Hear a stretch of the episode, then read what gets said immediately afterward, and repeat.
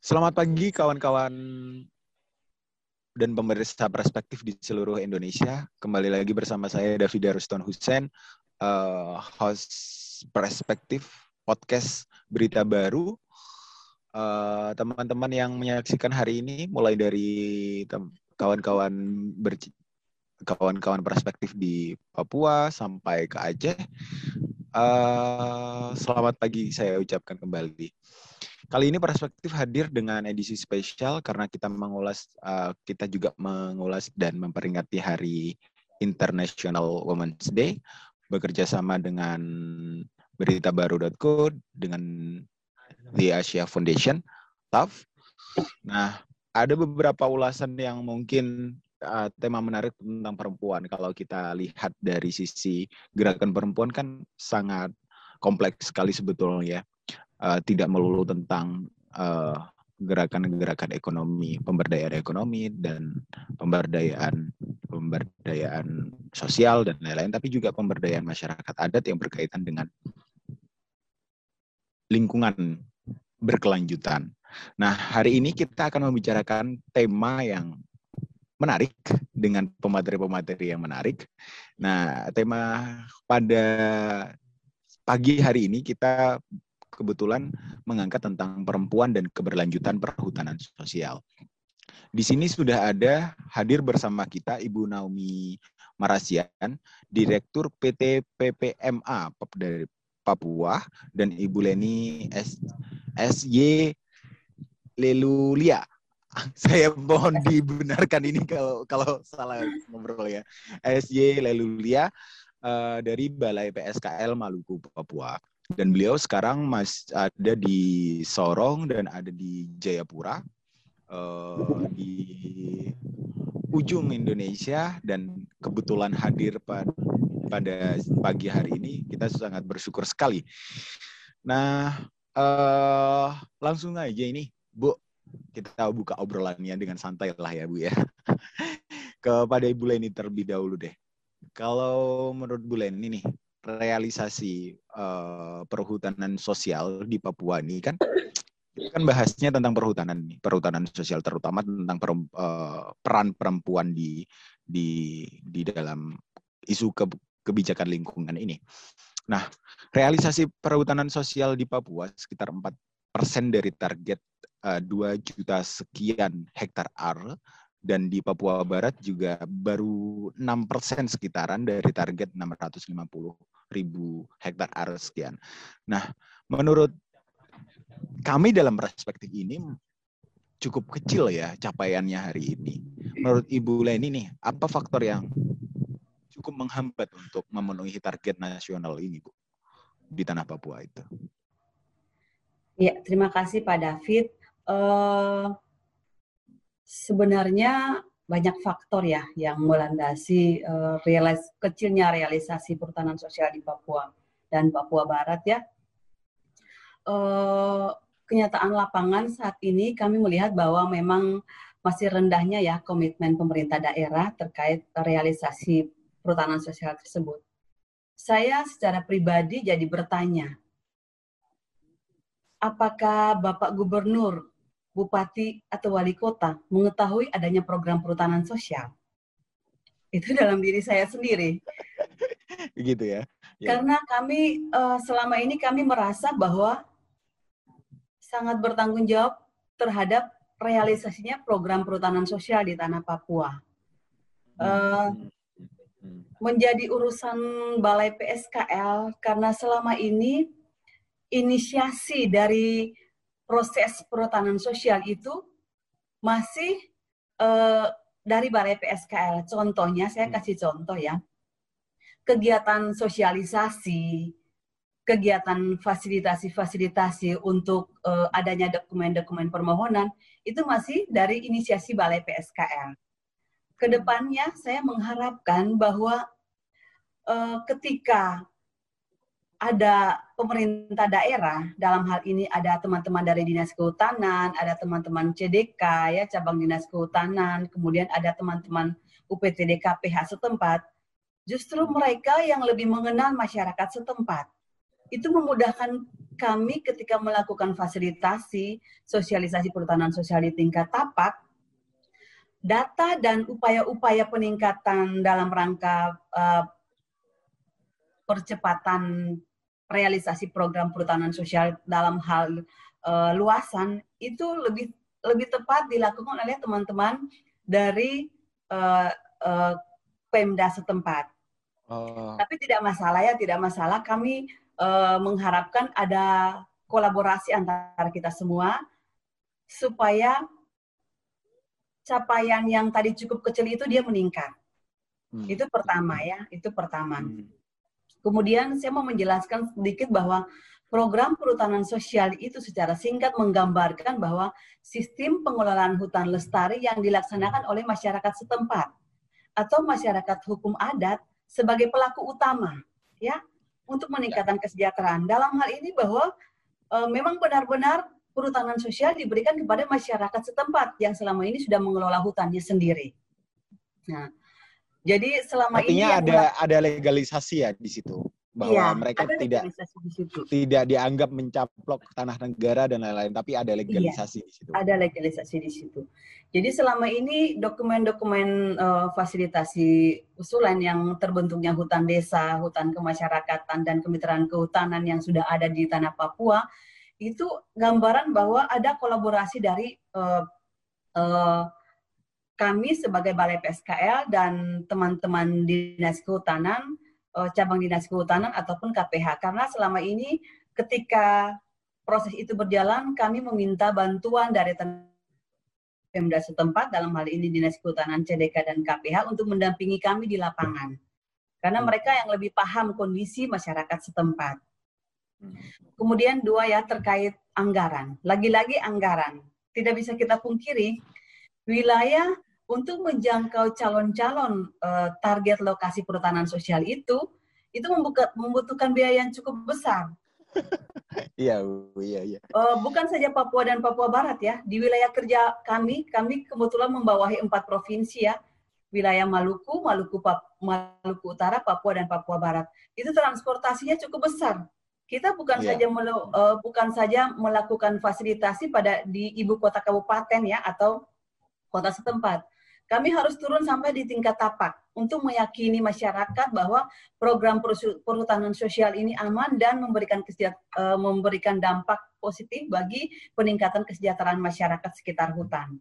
Dan kami juga kenapa harus sampai ke tingkat tapak bahwa kami harus meyakini bahwa subjek dan objek itu benar-benar adalah punya masyarakat setempat, bukan masyarakat lain yang datang mengelola di uh, kampung kampung atau desa setempat. Hmm. Kemudian uh, selain itu ada poin-poin yang uh, yang memang menjadi uh, hambatan ketika uh, pencapaian target itu tidak terrealisasi secara baik. faktor-faktor teknis seperti di lapangan ketika kami melakukan kegiatan verifikasi teknis lapangan ya. Jadi proses uh, keluar sampai keluarga ini izin perhutanan sosial itu adalah proses sosialisasi ya. Kemudian kami melakukan fasilitasi untuk mendapatkan dokumen-dokumen usulan dari masyarakat setempat. Setelah itu ada surat ketika permohonan itu dikirim ke Menteri Lingkungan Hidup dan Kehutanan ada uh, perintah tugas verifikasi teknis.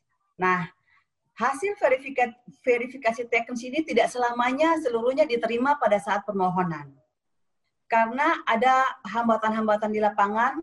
Contohnya, uh, ada lokasi yang sudah ditetapkan ya, sudah diusulkan untuk uh, program perhutanan sosial. Contohnya hutan desa. Itu lokasi yang awalnya sudah dimohonkan atau sudah diindikasi oh, dalam peta indikatif area perhutanan sosial ternyata ada lokasi-lokasi yang sudah dalam proses permohonan izin lain misalnya izin kelapa sawit lah, izin lainnya yang ada di dalam lokasi tersebut. Hmm. Kemudian uh, artinya ada tumpang tindih di situ ya? Iya, ada tumpang tindih di situ. Ketika uh, permohonan itu sudah jalan, ada proses yang yang yang meng, udah yang, berjalan duluan. Sudah berjalan, sudah berjalan dalam proses itu. Kemudian iya. persoalan batas administrasi desa. Eh, administrasi ini menjadi persoalan-persoalan yang memang kenyataan lapangan yang sering kami temui. Uh, contohnya di wilayah Papua dan Papua Barat ya, hmm. pengusulan program perhutanan sosial di Papua dan Papua Barat tidak hanya berdasarkan batas administrasi desa, karena hak ulayat itu yang merupakan uh, wilayah adat itu bisa lintas desa. Hmm. Nah, itu yang bisa menjadi kadang-kadang menjadi uh, uh, kecilnya realisasi karena luasan yang sel, se, selama ini kami pikirkan bahwa uh, sudah masuk pada tahapan uh, telaah, ketika fakta lapangan ternyata luasan itu jadi berkurang karena uh, batas administrasi desa yang yang di mana hak-hak wilayah itu lebih uh, uh, bisa lintas desa. Itu yang beberapa persoalan teknis yang sering kami temui di lapangan. Mungkin itu uh, sedikit dari saya, Pak David. Ya, oke. Okay. Uh, Bu, kira-kira uh, ini ke ke Bu Naomi ya. Kira-kira kan setahu kami uh, Bu Naomi ini telah berhasil mendorong lahirnya Perda dan Perbu Kabupaten Jayapura terkait masyarakat adat. Apakah PT PPMA uh, eh, juga mengadvokasi percepatan perhutanan sosial di sana? Sejauh ini apa hasilnya kira-kira Ibu? Ya, baik. Uh, terima kasih Pak David. Mm-hmm. Uh, juga pemirsa, uh, pemirsa uh, saya pikir uh, ya ini proses panjang ya perjuangan. Sebenarnya kalau dibilang ini perjuangan yang kadang-kadang hmm. memang di sini kita melihat apa hmm. ya seperti rakyat itu berjuang sendiri ya tidak ada tidak ada apa namanya uh, ruang yang kemudian bisa di di disupport gitu Betul. Baik itu oleh negara dalam konteks ini dan juga pemerintah. Apalagi kalau kita lihat di Papua dalam konteks kekhususan ada OSIS dan segala macam. Nah, bagaimana melakukan upaya-upaya perlindungan, kemudian pemberdayaan dan juga uh, ya pemberdayaan dan juga keberpihakan kepada masyarakat adat itu. Nah, baik itu dari sisi kebijakan secara nasional, tapi memang terjemahnya ke daerah itu menurut saya juga memang ada ada gap Hmm. Gitu. Nah, memang proses yang uh, coba kita upayakan uh, dalam kerja-kerja PT PPMA bersama masyarakat. Nah, itu sejak 2014 ya kita coba mengadvokasi kebijakan di daerah.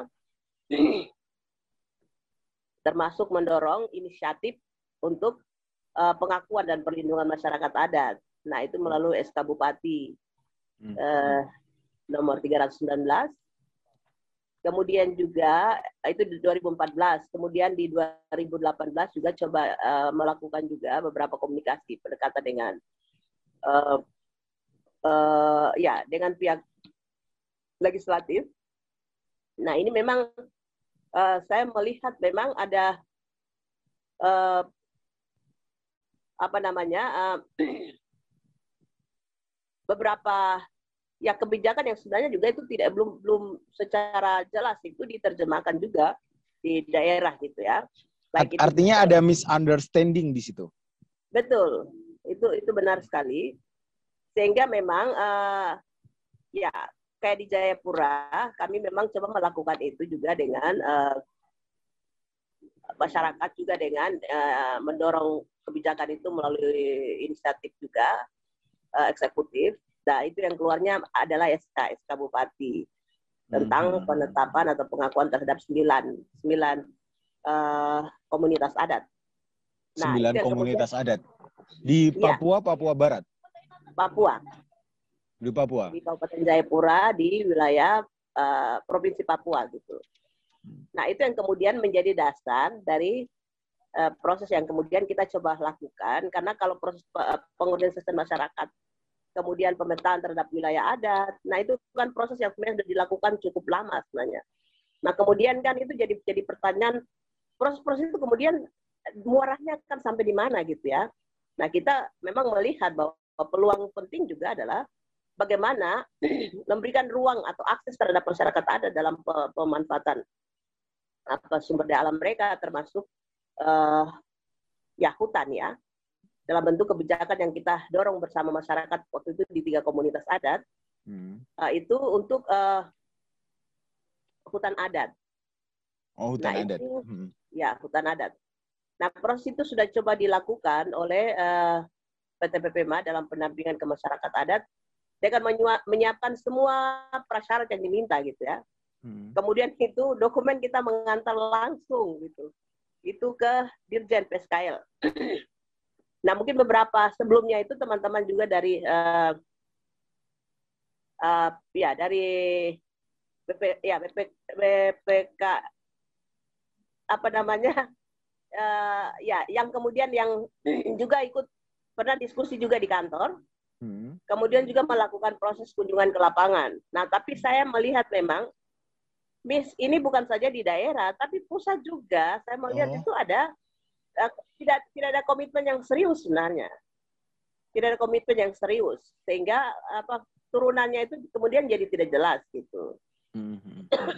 artinya sebetulnya secara perangkat aturan itu sudah ada dan mencukupi tapi tinggal langkah aplikasinya yang kemudian perangkatnya tidak sampai ke bawah begitu atau bisa disimpulkan begitu? Iya seperti begitu. Jadi saya melihat dan juga ini kan ada kebijakan yang kemudian juga dari sisi di, di kementerian sendiri menurut saya juga ini kan juga apa kalau di uh, apa namanya di Permen uh, eh, LHK nomor 83 ya kalau tidak salah hmm. terkait dengan uh, proses untuk uh, pengajuan untuk perizinan itu hmm. permohonan itu kan harus ada perda ya Ya, harus ada nah, perda. Sementara kalau di Permen eh, peraturan Menteri Dalam Negeri itu di yang nomor 52 itu kan melalui penetapannya melalui SK Bupati. Nah, ini kan juga membingungkan sebenarnya pilihan-pilihan kebijakan yang memang harus dilakukan itu terjadi itu sehingga permintaannya di uh, permen uh, melalui ya permen LHK itu 83 itu memang harus melalui perda. Hmm. Betul. Nah ini kan kemudian ya kita melihat uh, ya ini di tingkat di kebijakan nasional sendiri itu kan kebijakannya turunan yang seharusnya seperti apa itu juga kan masih juga terjadi apa ya perebu, eh, bukan perebutan tapi apa ya uh, perdebatan di antara kementerian itu sendiri. Uh, jadi saya pikir memang harus clear juga di nasional gitu, kemudian juga di daerah dalam bentuk uh, apa namanya uh, rangka kerja teknisnya, itu. regulasi kerangka kerja teknisnya sehingga bisa membawa apa? membawahi kinerja-kinerja yang yang ya. positif gitu kan. Betul. Hmm. Maksudnya seperti seperti begitu. Hmm. Jadi memang apa kalau memang kalau kita melihat di Papua memang dari skema skema PS itu hmm. baik itu apa HD, HKM dan juga apa namanya hutan kerakyatan dan juga saya melihat lebih tepat kita di Papua itu adalah kita mendorong ke hutan adat. Hmm? Kenapa harus hutan adat? Kenapa? Karena memang kita harus paham konteks di Papua ya. Karena di ya, Papua itu yeah. dalam sistem uh, penguasaan kepemilikan itu itu mereka lebih banyak mengenal sistem komunal gitu ya. Hmm. Hak-hak itu melekat pada ya dari konteks kewilayahannya itu pada kampung dan di dalam kampung itu kan ada marga-marga gitu. Ya, Jadi lebih betul. lebih lebih tepat itu adalah dengan mengorganisir masyarakat itu di tingkat komunitas itu dan juga di kampung dengan pendekatan-pendekatan marga dalam sistem kepemilikan mereka. Jadi lebih tepatnya menurut saya itu adalah hutan adat gitu. Jadi pengakuan terhadap masyarakat adat itu itu menjadi bagian yang penting. Menjadi bagian yang penting gitu. Artinya perhutanan nah, sosial itu yang ini sebenarnya juga dilakukan oleh Sorry Bu, sorry saya seng... ya. Artinya perhutanan sosial ini sebetulnya tidak tidak tidak relevan dengan kondisi sosial uh, sosial yang ada di Papua sebetulnya. Iya, jadi kalau pilihannya suruh memilih dari skema dari lima skema itu, kita melihat lebih tepat itu hutan adat gitu supaya hak pengelolaan itu itu diberikan kepada rakyat gitu, kepada pemilik. Jadi tidak tidak dilepas, haknya itu tidak dilepas gitu. Mhm. Sudah dilepas kepada uh, dalam bentuk izin-izin yang lain yang kemudian di, di offer ke orang lain kan ke kelompok lain gitu. Tapi ada baiknya memang itu hak itu tetap milik melekat pada masyarakat adat. Cuma diberikan akses dan kemudian pendampingan pendampingan yang cukup untuk melakukan apa namanya proses pengelolaannya gitu. Hmm. Jadi Oke. itu, itu semuanya. Kemudian eh, ya ada banyak tabrakan benturan yang lain dengan apa pengelolaan hutan berke- berkelanjutan dari Perdasus 22. Nah ini skema ini juga kan sebenarnya juga kita melihat kalau kalau dalam pendekatannya dia lebih lebih lebih seperti begitu. Jadi pengelolaan itu dilakukan oleh masyarakat adat, pemilik hak gitu. Nah ini kan juga ada ada perdebatan juga Eh, pilihan eh, di Papua lebih tepat itu mendorong ke situ ke skema itu. Tapi kemudian ini juga belum belum matching ya, belum sinkron dengan eh, nasional dengan Jakarta. Jakarta maunya ternyata berbeda dengan apa yang Papua mau gitu. Padahal kalau kita lihat dari beberapa kebijakan-kebijakan turunan dari Otsus itu, termasuk pengelolaan hutan berkelanjutan itu sebenarnya kan sudah ada kasusnya. Nah, pendekatan itu yang sebenarnya dilakukan juga oleh beberapa kawan-kawan, termasuk kami juga. Tapi hambatannya sampai dengan sekarang itu jadi tidak jelas soal persoalan NSPK dan lain-lain itu. Oke. Nah, Bu, itu jadi saya jadi mau menggantung. Mm-mm. Saya mau menanyakan lagi, sebetulnya apa eh, kira-kira eh, perbedaan yang paling signifikan antara perhutanan sosial dengan perhutanan adat yang harusnya kalau melihat eh, tipologi sosial masyarakat Papua ini yang lebih tepat adalah mas- hutan hutan adat. gitu. Iya, karena kalau kita ke hutan kayak hutan desa itu berarti kan hak pengelolaan itu kan oleh desa, Ya, ya. Hmm. oleh pemerintah. Sebenarnya paling paling terkecil itu kan adalah desa. Ya, Itu eh, dikelola oleh mereka gitu. hmm. Nah, itu artinya ada proses-proses yang lain sebenarnya dengan proses apa namanya? ya eh, memberikan izin oleh masyarakat dalam dalam akses kelola hutan itu. Hmm. Jadi ada ada takeover juga sebenarnya Hmm. Terhadap hak pengelolaan itu. Hmm. Jadi memang nah, ya lebih tepatnya begitu termasuk dengan apa itu eh, ya beberapa skema yang lain. Jadi kita Hmm. lebih melihat apa negara dalam konteks ini termasuk sampai dengan desa atau kita di sini bilangnya kampung Hmm. sebagai pemerintahan ter, ter- terendah. Hmm. Nah itu sebenarnya kan mempersiapkan akses akses yang penting atau proses-proses administrasi yang penting supaya memberikan ruang kepada masyarakat adat Ya, itu sendiri ya. untuk mengelola haknya gitu. Ya, ha, ha, ha. artinya ruang-ruang itu harus disediakan oleh sampai perangkat pemerintahan terkecil yang harusnya Ya. itu mewadahi masyarakat adat juga kan seperti itu. Betul. Hmm. seperti itu. Bu Leni, eh ini kan sesuai dengan tema kita ya, eh, bahwa pemberdayaan perempuan untuk masyarakat adat dan lain-lain. Ada beberapa banyak modeling atau percontohan di lokasi perhutanan sosial yang itu dikelola oleh perempuan atau mama-mama lah ya. Kalau dibandingkan dengan perhutanan sosial yang dikelola bapak-bapak, kira-kira nih mana sih yang lebih baik nih? ini kan ini kan sekedar perbandingan ya kar- karena ini linkage dengan tema kita tentang Ya. gimana sih peran perempuan dalam pengelolaan ini.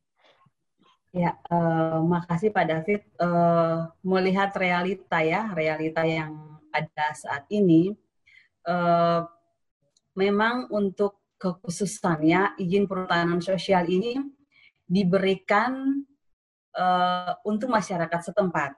Hmm. Yang artinya bahwa peran perempuan itu juga ada di situ, karena tidak membedakan porsi perempuan mana, pors- porsi laki-laki itu yang mana.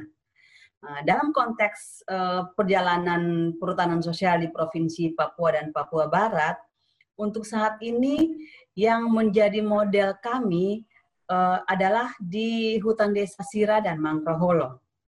Itu memang skema hutan desa ya dulunya itu difasilitasi oleh teman-teman dari Samdana ya, teman-teman Samdana dan Bentara terkait eh, hutan desa.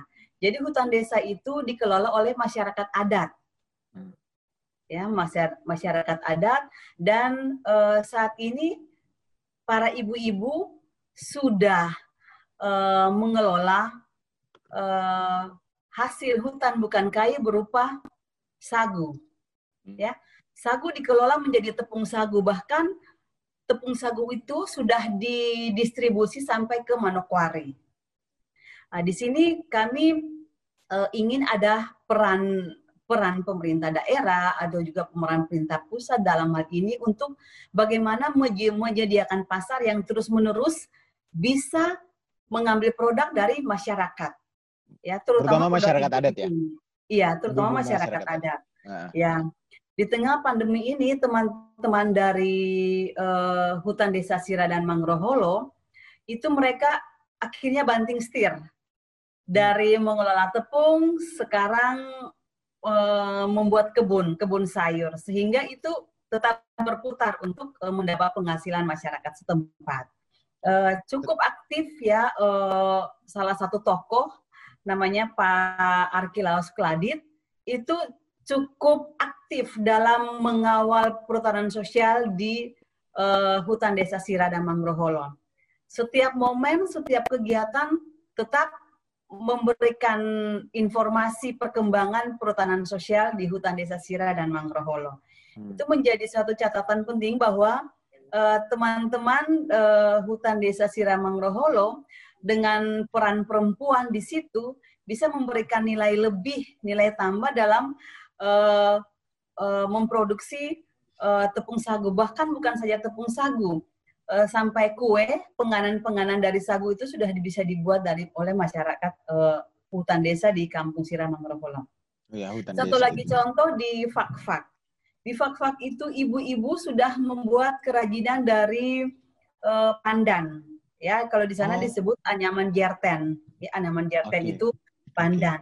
Nah, ada juga menurut informasi dari teman-teman uh, di sana ada eh, kebijakan dari pemerintah daerah setempat untuk ada waktu hari-hari tertentu itu menggunakan noken, tas dari noken ya, tapi yang hmm. dari eh, dari anyaman jarten ini.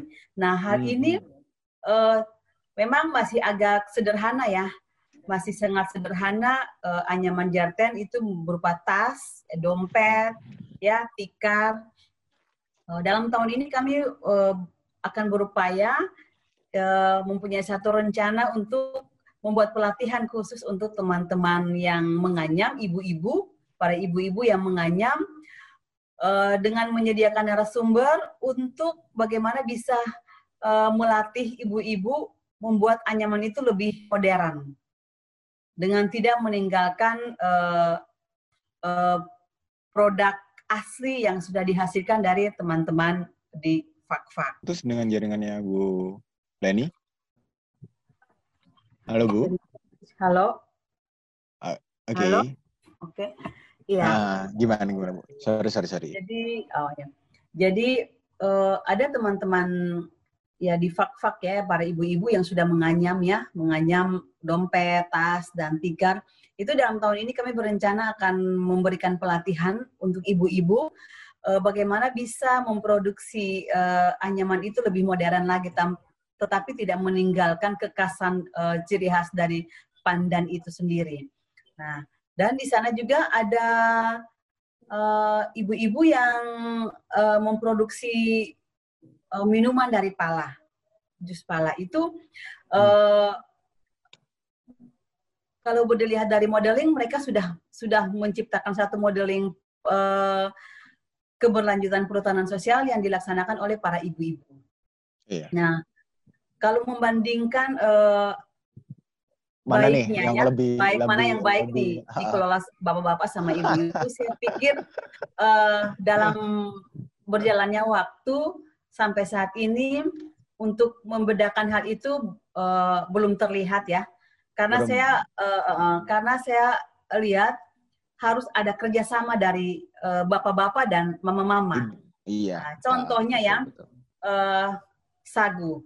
Bapak-bapak potong sagu, pulang bawa pulang ke ibu-ibu, nanti ibu-ibu yang peras, kemudian membuat tepung. Nah itu harus ada kerjasama, tidak bisa dipisahkan mana yang lebih baik dan mana yang tidak. Ya. Itu bukan menjadi perbandingan, tapi harus Arti, ada kolaborasi artinya tidak ada unsur yang mana yang dominan ya. Uh, simbiosis lah keduanya. Yeah. baik bapak-bapak ibu-ibu saling menutupi kebutuhannya masing-masing begitu. Baik, tapi iya, kemudian uh, tidak ada diskriminasi kan? Apakah kemudian perempuan harus punya uh, dalam kerangka kerja tertentu dia dibatasin dan uh, dalam kerangka kerja tertentu laki-laki uh, lebih dominan apakah masih ada pola-pola begitu Bu di, di masyarakat adat atau mereka justru uh, di hutan sosial ini mereka justru hidup berdampingan dengan pola pikir yang lebih modern yang artinya satu sama lain lebih punya kohesivitas yang bareng-bareng itu? Ya, uh, kalau di lapangan uh, bersamaan Pak bahkan ibu-ibu mengatakan ibu kami juga bisa ke hutan. Oh ya. Oh, Bukan gitu saja ya? Jadi mereka ke hutan dengan membawa bekal suami istri iya. ke sana pulang-pulang uh, bawa sayur, uh, bawa ubi ya, bawa keladi itu ciri khas di sini. Jadi tidak bisa dipisahkan bapak sendiri, ibu sendiri. Gak bisa, iya, gak bisa dipisah ya. Memang, iya. memang perannya memang tidak uh, sam, uh, punya peran masing-masing, tapi juga iya. saling menutupi saling kekurangan menutupi. dan kelebihan masing-masing. Oke, okay. Kembali lagi nih ke Bu Naomi. Uh, seberapa besar sih Bu peran mama-mama dan perempuan adat yang didampingi oleh PT PPMA dalam pembangunan, dalam melakukan pengelolaan hutan di Jayapura, Bu? kira-kira? Ya. Uh, ya. Kalau bertanya soal seberapa besar peran apa mama-mama atau perempuan ya, saya pikir uh, ya mungkin seperti tadi Bu, Bu Leni sampaikan ya, uh, soal tadi kita bilang soal diskriminasi atau ketidakadilan ya itu soal apa cara pandang ya. Hmm, betul, Tapi sebenarnya di, di masyarakat sendiri memang dalam bekerja, apalagi dengan apa pendekatan yang memang coba dilakukan oleh PT Mas, kan kita bicara konteks pendekatan dan komunitas ya. Nah, ya. komunitas itu kan berarti kan ada perempuan dan laki-laki. Betul. Betul. Kan satu kesatuan. Kalau kita bicara dalam keberlanjutan, ya, ya, apa ya. lingkungan, maka kita tidak bisa bicara perempuan sendiri dan laki-laki sendiri. Itu mereka ya. Uh, ya. harus itu kekuatan bersama yang memang harus di, diperkuat atau didampingi, disupport untuk ke, keberlangsungan uh. kehidupan mereka dan juga keberlangsungan uh, uh, lingkungan. Hmm. Oleh sebab itu memang perempuan dalam porsi sebenarnya dalam memanfaatkan apa sumber daya yang ada itu memang lebih banyak perempuan. Dan akses itu lebih banyak dilakukan oleh perempuan sebenarnya ya. Karena mungkin dia berkaitan dengan uh, kebutuhan untuk ketersediaan apa pangan untuk keluarga dan itu lebih banyak itu ya mungkin sudah sudah istilahnya apa ya sudah membudi sudah menjadi budaya ya atau kebiasaan ya. sehari-hari dalam masyarakat. Bakal ya berkebun itu sudah lebih banyak uh, waktu membuka kebun pasti sama-sama lah tapi waktu ber, uh, pergi mengambil hasil itu bisa sama-sama, tapi juga bisa dilakukan oleh perempuan. Nah, beberapa pengalaman kita seperti di Imsar, itu satu kampung yang kita dampingi. Nah, itu kan beberapa pendekatan kita lakukan dengan komoditas yang dimiliki oleh masyarakat adat ya. Uh, secara khusus di kampung itu. Nah, itu coba dipakai untuk pendekatan uh, penguatan apa masyarakat adat dari sisi ekonomi mereka gitu. Nah, khusus untuk perempuan itu salah satu apa namanya, coba mengelola uh, potensi yang mereka punya seperti sagu. Yeah. Nah, itu sagu hmm. itu uh, ya ditebang pasti oleh bapak-bapak. Hmm. Cuma diperasnya oleh ibu-ibu, kemudian dari hasil itu dijadikan tepung. Yeah. Coba diolah jadi tepung sagu dan kemudian tepung sagu itu juga kemudian menjadi bahan dasar untuk mereka membuat apa apa namanya kue-kue dan lain-lain gitu ya untuk kepentingan uh, konsumsi keluarga dan uh, lain-lain gitu. Hmm. Nah itu yang dilakukan termasuk juga dengan mengelola apa kelapa kemudian itu menjadi apa semacam apa visio ya uh, minyak visio, ya. minyak minyak, minyak. oke okay, oke okay. nah. nah itu diolah juga oleh perempuan gitu ya uh, uh. karena kalau suruh bapak suruh peras kelapa pasti mereka wah itu ya. iya iya iya iya nah itu Artinya, juga yang dilakukan Uh, artinya peran-peran perempuan dalam pemberdayaan ekonomi sebetulnya di masyarakat adat juga berjalan kan Bu sebetulnya. Iya. Kalau yang selama betul. ini didampingi oleh PT PPMA. Betul, berjalan. Nah, hmm. selama ini kan kita lihat ya eh, contoh kasus waktu pas uh, pandemi COVID-19 ini. Hmm. Nah, itu kan hmm. sebenarnya para bapak-bapak ini seperti dipaksakan untuk kembali ke hutan mereka, kembali ke dusun mereka.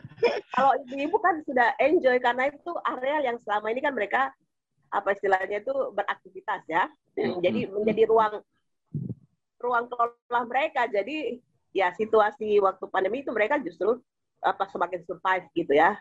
Nah itu sesuatu yang kita lihat juga apa perempuan punya peran yang cukup cukup besar sebenarnya.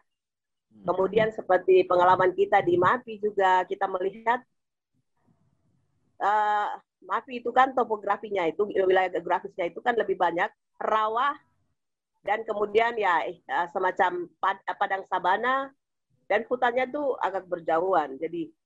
Lebih banyak aktivitas yang dilakukan di rawa untuk mencari ikan setiap pagi untuk kebutuhan keluarga, tapi juga dijual ke pasar itu dilakukan oleh perempuan. Perempuan. Dan pagi dan petang.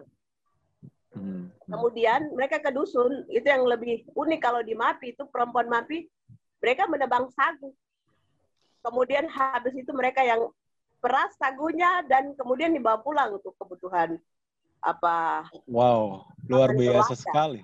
Luar biasa iya, sekali. Benar uh, luar biasa. Ternyata memang nah. karakteristik apa masyarakat itu terbentuk juga karena faktor geografis juga. Jadi geografis. ada banyak tantangan yang kemudian membuat mereka harus menyesuaikan diri untuk bisa survive gitu. Iya, nah, itu, betul betul. betul. Nah, oleh sebab ini kalau kita bicara soal ke keberlanjutan apa ya lingkungan, uh, keberlanjutan uh, alam. Nah, itu karena masyarakat itu sudah hidup itu dia berdampingan dengan Jadi alam itu sendiri ya. Give ya, memberi dan menerima. Uh. Jadi memang otomatis kalau kita bicara menjaga kelangsungan uh, alam itu bukan saja supaya tapi supaya masyarakat juga hidup karena masyarakatnya kalau uh, hutannya kita rusak alamnya kita rubah dia jadi ber, apa fungsinya beralih maka yeah. itu yang mengalami dampaknya itu adalah masyarakat karena masyarakat nah, mereka sudah bertahun-tahun hidup dengan sistem seperti itu tiba-tiba berubah itu berubah. nggak tahu itu sama dengan dia belum mati tapi kita sudah sudah mematikan dia gitu menarik, menarik, menarik, menarik. Iya, iya, iya. Iya, iya, iya. Nah, ini uh, sama ini kayak apa yang di uh, masih ada singgungannya dengan apa yang di uh, lontarkan Bu Naomi barusan. Nih, uh, saya minta komentarnya bulan ini. Kalau saya kan sempat baca di, tentang profilnya Mama Eca Patiran, uh, seorang penggerak kelompok perempuan yang sangat aktif untuk ngajak mama-mama jaga hutan dan mengolah komoditas pala secara kolektif. Nah, ini apa komentar Bu Bu Leni secara pribadi dan kelembagaannya dengan peran-peran perempuan hebat seperti ini? Kira-kira. Uh, iya, pada saya memang uh, belum baca ya profil Mama Eca hmm. yang disebutkan, tetapi saya memberikan apresiasi apresiasi yang sangat besar pada perempuan-perempuan tangguh seperti Mama Eca. Karena selain menjaga hutan, ya, mereka harus berusaha agar perut itu tetap terisi. Biasanya iya, iya, ibu-ibu iya, begitu ya. Eh, apa pun kerjaannya harus memikir anak hari ini makan apa, sekolahnya bagaimana. Itu harus dipikirkan oleh ibu-ibu. Banyak yang dipikirkan. Nah, sehingga dalam uh, menjaga hutan itu uh, Mama Eca mungkin dalam benak dia bukan hasil hutan kayu yang menjadi uh, sumber utama di dalam hmm. hutan ya. Sumber lain seperti pala yang merupakan hasil hutan bukan kayu harus tetap ada dan terjaga sebagai sumber penghasilan tambahan bagi mama-mama seperti Mama Eca dan uh, sivitas yang sudah dihimpun oleh Mama Eca. Hmm. Sehingga uh, dari uh, secara kelembagaan, bagaimana peranan kita untuk mendampingi Mama Eca dengan teman-teman yang sudah bisa membantu menjaga hutan. Uh, itu diharapkan dari mulai kegiatan pelatihan, kegiatan pemenuhan tambahan sarana prasarana dan uh, dan hal-hal lain yang mendukung sehingga keberlanjutan dari proses pendampingan terhadap Mama Eca dan teman-teman itu ke depannya berkelanjutan, itu perlu kolaborasi dari kita semua para instansi terkait yang yang memang benar-benar dalam program perhutanan sosial ini memberikan dampak lebih bagi perempuan-perempuan di Papua dan Papua Barat saat ini. Karena uh, melihat kondisi saat ini yang tadi sudah diceritakan oleh Ibu Naomi, perempuan itu penggerak kehidupan. Karena apalagi di tengah pandemi sekarang ini, ibu-ibu harus menjadi guru, ya. Ibu-ibu hmm. harus menjadi uh, uh, apa membantu suami dalam menambah penghasilan agar dapur itu tetap mengepul. Iya, iya betul betul. Menjadi uh, tugas dan tanggung jawab para ibu-ibu, para perempuan-perempuan tangguh hmm. uh, untuk bagaimana tetap mensejahterakan masyarakat dan seperti Mama, Mama Eca, hutan tetap lestari. Iya, ya? iya betul betul. betul. Itu uh, sedikit komentar dari saya. Ini kan begini, sebetulnya kalau lihat dari proses pemaparannya Bu Naomi maupun Bu Leni kan tadi sebetulnya banyak nih apa potensi perempuan eh, penggerak yang bisa didorong untuk menjadi pengelolaan hutan sosial di tingkat tapak. Nah, eh, sebenarnya ada berapa banyak sih potensi itu Bu Naomi untuk digerakkan lebih masif lalu kemudian dikampanyekan ke masyarakat yang lebih luas bahwa masyarakat adat ini bisa untuk menggerakkan uh, perempuan sebagai uh, patronase utama lah penggerak ekonomi sosial masyarakatnya. Ini Bu Naomi gimana kira-kira? Ya. Sejauh mana nih kira-kira potensinya di Papua, Papua terutama? Ya, yang pertama itu kan kita harus uh, menyadari bahwa mau berapa banyak pun sumber daya alam yang kita punya, itu pasti ada batasnya ya, ada batasannya. Yep, betul. Jadi kalau betul. kita bicara soal keberlangsungan kehidupan dari manusia, itu tidak ada batasnya. iya. Siap, siap, siap, siap.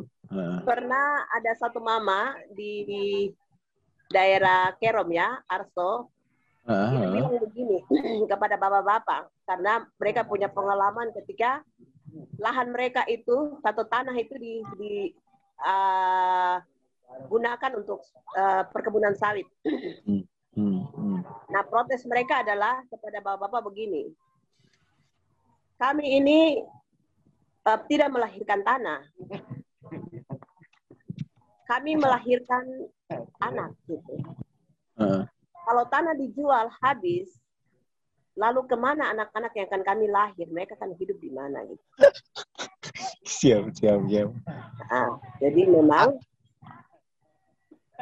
artinya artinya ada ada ada dorongan uh, preventif dari perempuan juga peran peran peran peran preventif untuk melakukan uh, eksploitasi eksploitasi eksploitasi sumber daya alam yang terlalu berlebihan yang seakan-akan itu kan jangka pendek sebetulnya. Tapi perempuan juga punya uh, pemikiran yang jangka panjang untuk baik untuk lingkungannya, kehidupan anak-anaknya, kehidupan anak cucunya dan lain-lainnya kan sebetulnya begitu kan. Iya. Betul.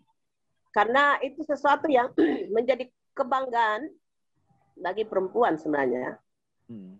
Adalah memastikan anak-anak yang dilahirkannya itu akan baik gitu. Hmm akan baik masa depannya gitu. Oleh sebab itu, ya ini kita bicara era kompetisi ya. Jadi hal yang bisa kita pastikan adalah soal tanah, hutan, dan sumber daya alam masyarakat adat harus tetap tetap terjaga gitu. Sebagai jaminan untuk keberlangsungan masyarakat adat itu sendiri gitu. Karena kalau kita tidak bisa bilang bahwa dengan era keterbukaan ini mungkin juga anak-anak kita kita selain mereka sekolah ya sekolah itu baik untuk uh, peningkatan ke kapasitas mereka kapasitas pendidikan Tapi mereka setiap hmm. anak itu punya kebanggaan dengan daerahnya dengan kampungnya dengan komunitasnya itu nah hmm. itu itu itu bagian dari jati diri bagian dari nilai yang terikat dalam setiap uh, anak-anak gitu atau setiap komunitas oleh sebab itu itu perjuangan Makanya kalau kita bicara eh, perhutanan sosial itu bagian dari perjuangan. Pengakuan masyarakat itu bagian dari perjuangan karena yeah, ternyata yeah, perjuangan yeah. itu tuntas. Betul, gitu. betul, betul, betul, Nah, itu kita bicara kebijakannya, tapi fakta realitanya hari ini akan ke depan seperti apa nanti gitu. Nah, ya, siapa betul, yang akan betul. bisa menjamin itu, memastikan itu di situ? Oleh sebab betul, itu ya kampanye kampanye kita atau pesan moral kita untuk masyarakat untuk masyarakat tapi juga untuk masyarakat kita bilang jangan lagi jual tanah. Tidak boleh jual tanah. Iya iya. Nah, karena itu warisan warisan warisan adat dan iya, itu, itu sampai ke anak cucu. bagi anak cucu. Harus tetap dijaga dan dikelola. Yang boleh dikelola tapi tidak boleh itu dijual gitu. Nah tantangan kita. Iya, iya tantangan kita hari ini kan kita bicara bagaimana kebijakan atau posisi negara di dalam melindungi rakyat. Itu yang sebenarnya masih tabur, masih belum jelas gitu. Hmm. Karena menurut uh, pengamatan kami atau hemat kami bahwa uh, itu apa namanya bahwa penting posisi negara dalam hal ini untuk memberikan support kepada masyarakat adat. Negara harus hadir untuk melindungi kepentingan rakyat tapi juga memberikan ruang kepada rakyat untuk mengelola sumber daya alam mereka yang mereka punya. Nah, ini dengan skema-skema pelepasan hak itu itu sebenarnya bagian dari proses membunuh memiskinkan sekaligus membunuh rakyat sebenarnya. Apalagi dengan model apa? Uh, skema perizinan, investasi, maka masyarakat harus mengeluarkan surat pelepasan tanah atau pelepasan hak. Nah, ini benar-benar benar-benar ini kejahatan sebenarnya atau kehancuran sebenarnya yang sedang dirancang oleh negara menurut saya. Karena rakyat tidak akan ke mana-mana, mereka akan, akan tetap ada di wilayah mereka. Kecuali yeah. mungkin satu-satu anak-anak mereka yang mungkin karena setelah apa ber, uh, pendidikan, mereka punya akses yang lain, mereka akan pergi. Tapi toh mereka akan kembali pulang gitu. Nah, kita berharap itu tanah, hutan, wilayah adat itu harus tetap terjaga untuk keberlangsungan komunitas itu atau masyarakat adat itu. Dan kita berharap di sini sebenarnya negara hadir untuk mendampingi dan memberikan ruang akses untuk memberdayakan rakyat gitu. Supaya ya kalau rakyat melindungi mereka maka rakyat eh, rakyat pun akan mensejahterakan apa namanya yang memberikan ada, kontribusi juga hmm. kelangsungan. Ada, Jadi artinya gini, ada take and give antara negara dan iya, benar, rakyat itu sendiri, masyarakat itu sendiri kan? Begitu. Ya. Hmm. Bu Leni, gimana kira-kira tanggapannya tentang uh, apakah selama ini negara belum sampai ke tahap pada tahap yang paling uh, efektif untuk melindungi hak-hak rakyat itu sendiri dari pernyataan Bu Naomi tadi? Uh, sebenarnya sih uh, negara itu hadir ya. Negara itu selama hmm. ini sudah hadir dengan peraturan-peraturan yang bisa mengawal keberlanjutan program-program penyelamatan terhadap hak hak-hak negara ya, hak-hak masyarakat. Contohnya ya dalam kegiatan dalam perhutanan sosial ini ada peraturan P83 yang memberikan akses hmm, ya terkait uh, masyarakat adat uh, terhadap akses pengelolaan, saya juga uh, kemarin sempat ke Seget ya, ke distrik Seget. Itu kami melakukan kegiatan verifikasi teknis. Verifikasi teknis terhadap areal yang dimohonkan. Uh, di sana kami memberikan uh, hasil fakta lapangan itu tidak bisa direkomendasikan menjadi uh, izin perhutanan sosial. Kenapa? Karena ada permohonan pelepasan kawasan untuk sawit.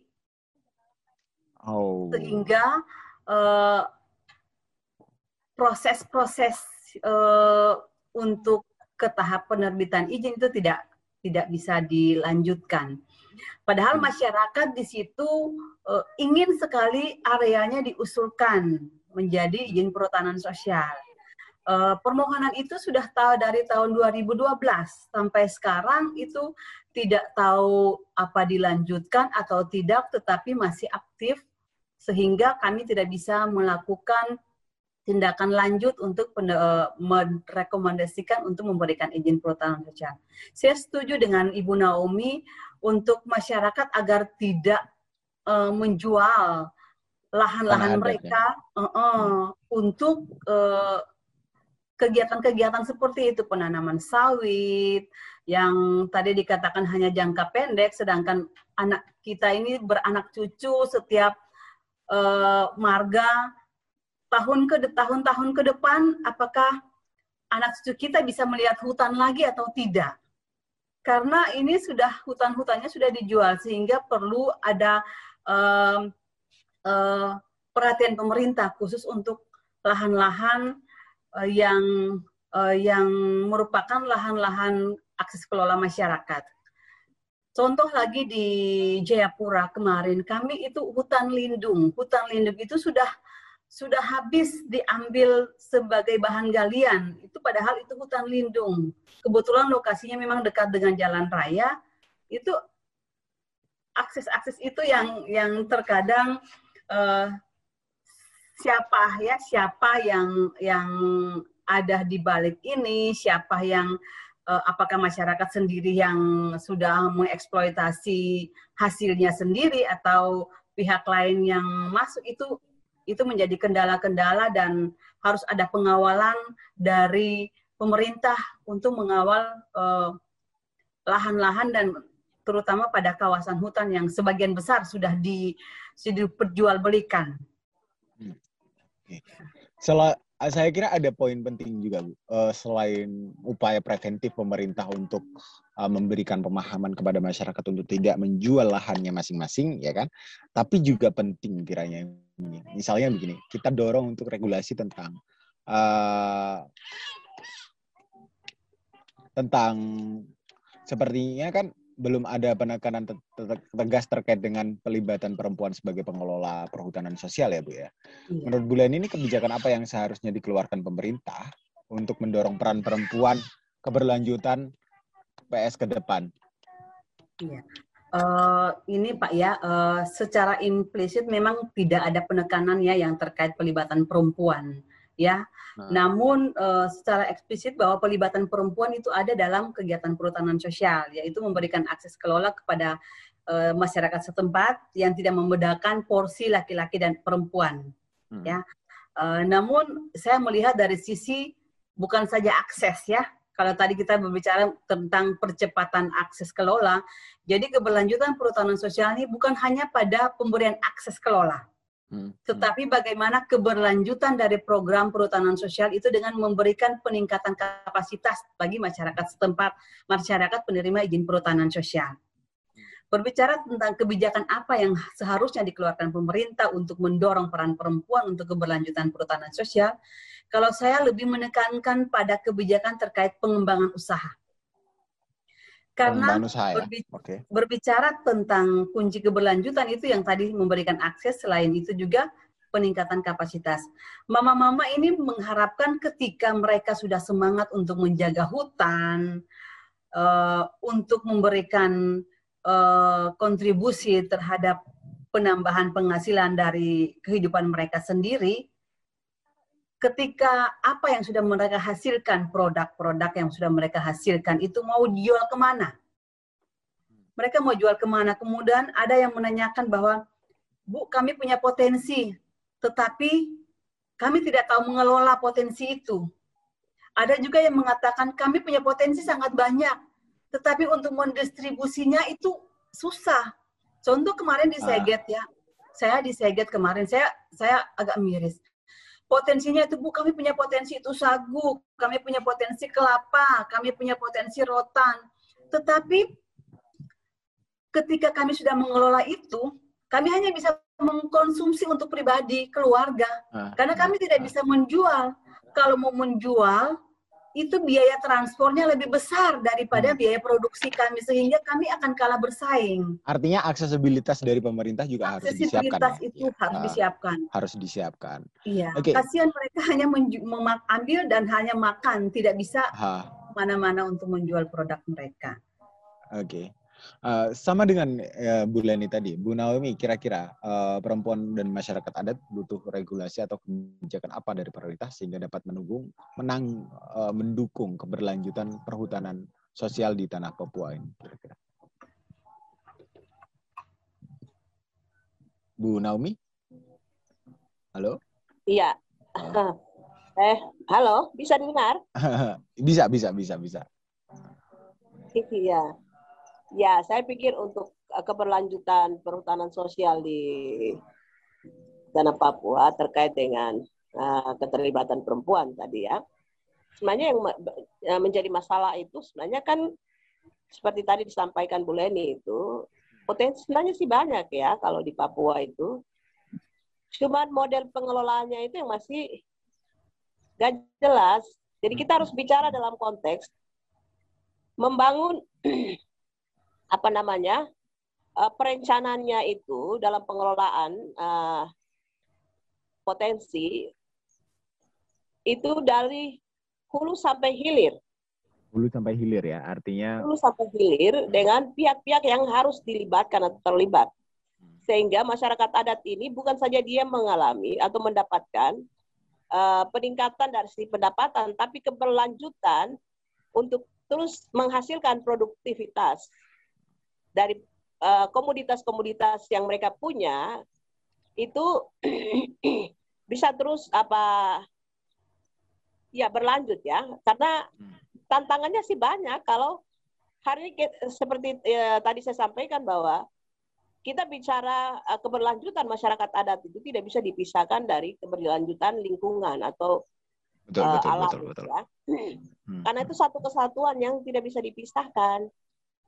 Oleh sebab itu, memang menjadi penting adalah memperkuat masyarakat adat karena masyarakat adat ketika dia mampu, dia sustain, dia bisa uh, menghasilkan produk, ada peningkatan pendapatan yang Hmm. cukup, dia akan menjaga keberlangsungan dari sumber daya alam itu.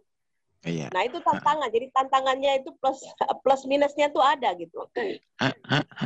Nah, plus, plus minusnya tuh ada. Jadi memang kalau kita lihat perempuan seperti tadi, perempuan punya peran yang cukup penting untuk mempengaruhi setiap kebijakan dalam keputusan. Apalagi terkait dengan pemanfaatan sumber daya alam. Walaupun dia bukan aktor yang bermain di depan layar, tapi dia adalah bagian dari aktor yang ikut memberikan kontribusi terhadap keputusan.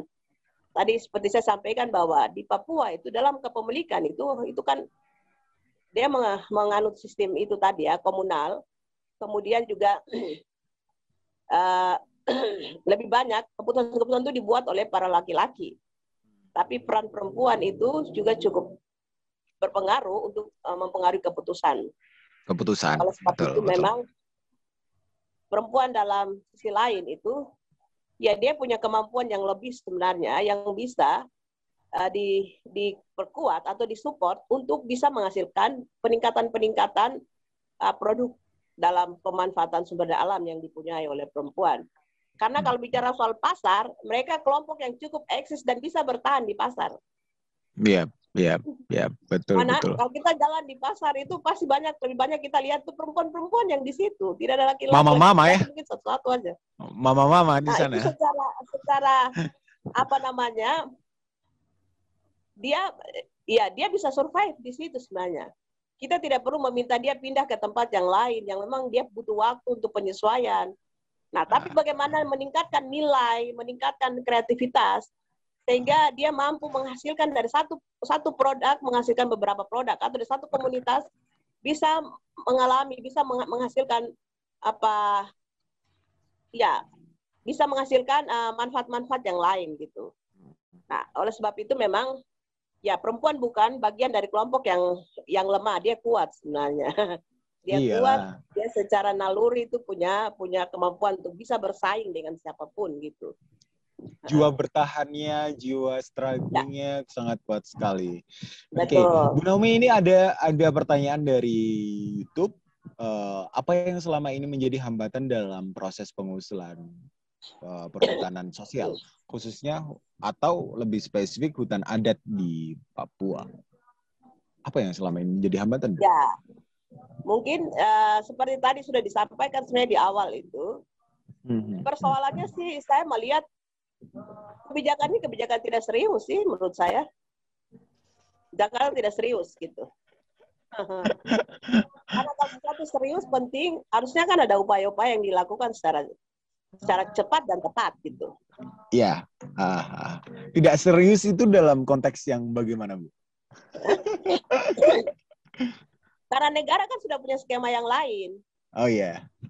Sudah punya skema yang lain. Yang justru selama hmm. ini kan kita lihat, ya skema yang lain dalam arti ya dia sudah punya pola kemitraan dengan kelompok yang lain, dengan kapitalis, ya, jadi dia lebih memilih bagian dari proses, walaupun dari si kebijakannya ada, tapi dia tidak serius melakukannya dengan dengan untuk ya saya minta maaf mungkin tanda kutip ya, yeah. untuk menghambat masyarakat tidak boleh mengelola hutan karena hutan itu akan dikasih kepada orang lain dalam bentuk izin kelola yang diberikan kepada HPH dan lain-lain gitu. Iya. Sehingga rakyatnya dihambat itu. Harusnya kan tidak begitu. Rakyatnya yang harusnya diorganisir, diberdayakan, diberikan akses itu. Kemudian rakyatnya yang bekerja sama dengan kemitraan, dengan pihak siapa yang menurut dia untuk bisa mengantar produk mereka kepada pasar, pasar luar dan yang lain gitu. Nah itu, jadi saya menganggapnya begitu. Makanya dibikin hambatan. Kira-kira itulah yang menjadi selama ini menjadi problem uh, kenapa kemudian kebijakan itu hanya berhenti di kebijakan tidak sampai ke pada tahap aplikasinya. Iya. Ya. Terus Kira -kira yang berikut itu soal tadi, tadi disampaikan juga sama uh, uh, ya bahwa ya memang harus ada keseriusan. Ya, keseriusan betul. dari pemerintah juga baik itu di pusat dan juga pemerintah daerah untuk menjalankan amanat sebenarnya. Itu kan amanat dari undang-undang dari negara ini sebenarnya. Untuk hmm.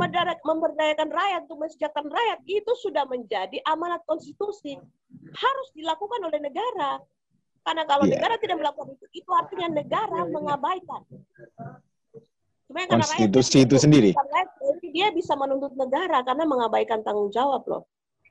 Sementara sumber daya rakyat udah dikuras habis-habisan gitu. Oke. Okay, okay. Tapi rakyat tidak disejahterakan sebenarnya. Rakyat justru menjadi orang orang menjadi orang asing di wilayahnya sendiri. Di wilayah. Bahkan ketika dia masuk ke wilayahnya sendiri, dia dapat dapat tekanan dan ancaman. Betul, betul, betul. Bahkan dipukul sampai babak belur. Padahal di wilayah adatnya, di tanah, di dusunnya, di hutannya sendiri. di mana dia lahir dan besar. Di mana dia lahir tali pusatnya dipotong di situ, dikubur si tanahnya, darahnya tumpah di situ. Tapi coba, dia tidak mengalami itu. Ini kan tidak keadilan, benar-benar tidak fair sebenarnya negara melakukan itu. Iya. Jadi sebenarnya kalau mau jujur, saya memang sebenarnya tidak tidak ingin sih mendorong itu PS itu, gitu. Karena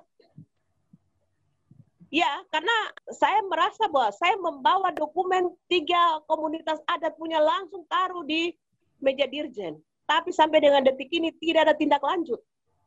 Sampai detik ini? Sampai detik ini, ini kita ada bicara barang ulang ini, itu tidak ada tindak lanjut sebagai bentuk penghargaan dan penghormatan kepada masyarakat. Hmm. Minimal itu disurati, kasih tahu bahwa mungkin proses ini belum bisa dilakukan, karena ada kendala ini, ada hambatan ini, atau ada apa yang harus dilakukan. Itu tidak ada sama sekali. Padahal kita mengantar dokumennya dengan surat lengkap dengan nomor kontak itu jelas. Ya kalau tidak datang ke sini minimal telepon lah kasih tahu atau SMS aja. Ini kan nggak ada, jadi saya pikir ya, ya nggak usah lah dibobongin gitu. Artinya kompleks sekali ya permasalahan-permasalahan nah. tentang perhutanan sosial ini di di ya. lingkup pemerintahan dan sampai ke masyarakat adat. Uh, Ibu Naomi, uh, kita bisa minta closing statementnya karena kita terbatas dengan waktu. Kira-kira closing statementnya Ibu gimana tentang perempuan dan keberlanjutan perhutanan sosial terkait dengan tema kita ini? Ya, ya. Iya, ya ke closing statement saya, saya pikir uh, masyarakat atau perempuan itu nggak bisa lagi kita ragu. tidak bisa diragukan peran mereka atau kapasitas mereka. Mereka bagian dari kelompok yang akan sustain hmm. dalam situasi apa pun gitu. Hmm. Dan untuk keberlanjutan, uh, ya keberlanjutan daripada uh, perhutanan sosial, saya pikir ya mulailah negara menyadari itu dan coba melakukan tindakan-tindakan atau langkah-langkah konkret, baik itu dari pusat sampai ke daerah, supaya rakyat ini tidak boleh hanya menjadi penjaga hutan. Mereka yeah, itu ya. pemilik yeah. hutan. Dan jangan biarkan hutan rakyat itu dialihkan kepada kelompok lain gitu dan rakyat menjadi penonton. Hmm. Betul, betul, betul, betul. Mereka harus diberikan kepercayaan dan diberikan mandat tapi sekaligus harus mendampingi mereka. Ya. Dan memberikan akses baik itu untuk akses keluar dan termasuk akses untuk pasar dan kemitraan-kemitraan penting yang memang harus dilakukan. Jadi menurut saya ya mungkin Jakarta dengan Papua itu harus duduk untuk bicara komitmen mereka untuk untuk masa depan perhutanan sosial di tanah Papua. Oke. Okay. Begitu. Terima kasih. Ya, sama-sama Bu. Bu Leni, closing statementnya? Ya, uh, singkat saja. Ya. Menjadi ibu rumah tangga itu kodrat ya sebagai perempuan. Menjaga penjaga hutan itu luar biasa. Tetap semangat perempuan-perempuan tangguh, hutan memerlukan sentuhan lembut dari tangan para perempuan. Dan ingat, setiap jerih payah lelahmu diperhitungkan kelak. Kami perempuan, kami bisa, kami bangga. Salam perhutanan sosial. Keren, keren, keren sekali. Terima kasih kami sampaikan kepada Bu Leni. Terima kasih banyak Bu Leni, terima kasih banyak Bu Naomi telah berkenan hadir, Sama. telah berkenan untuk ngobrol bareng.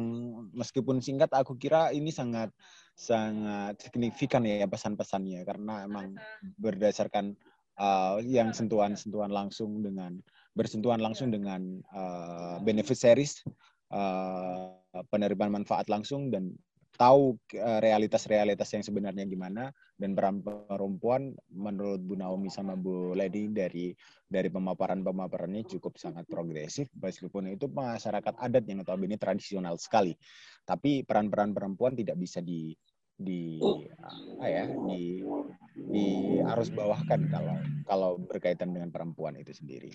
Nah terima kasih uh, telah berkenan hadir Bu Naomi sama Bu Leni di podcast Perspektif dalam rangka perikat, peringatan uh, International Women's Day 2021 berkat kerjasama Berita Baru Deko dan The Asia Foundation. Nah, diskusi live ini direkam, kemudian hasilnya akan diboleh uh, dan menjadi video untuk ditampilkan pada YouTube Berita Baru.co dan juga dalam audio diposting pada akun podcast Berita Baru.co. Nanti Ibu Leni juga Bu Naomi bisa langsung mengaksesnya di uh, ak accountnya beritabaru.co baik YouTube, Facebook maupun podcastnya. Terima kasih sekali lagi Bu Naomi, Bu Leni. Uh, mohon maaf mengganggu waktunya. Saya kira uh, itu saja dari saya. Sekian dari saya. Selamat siang semuanya. Terima kasih. Siang, terima Selamat kasih. Siang, Ya. Bu Leni, terima kasih. Selamat siang, Bu Naomi. Terima kasih.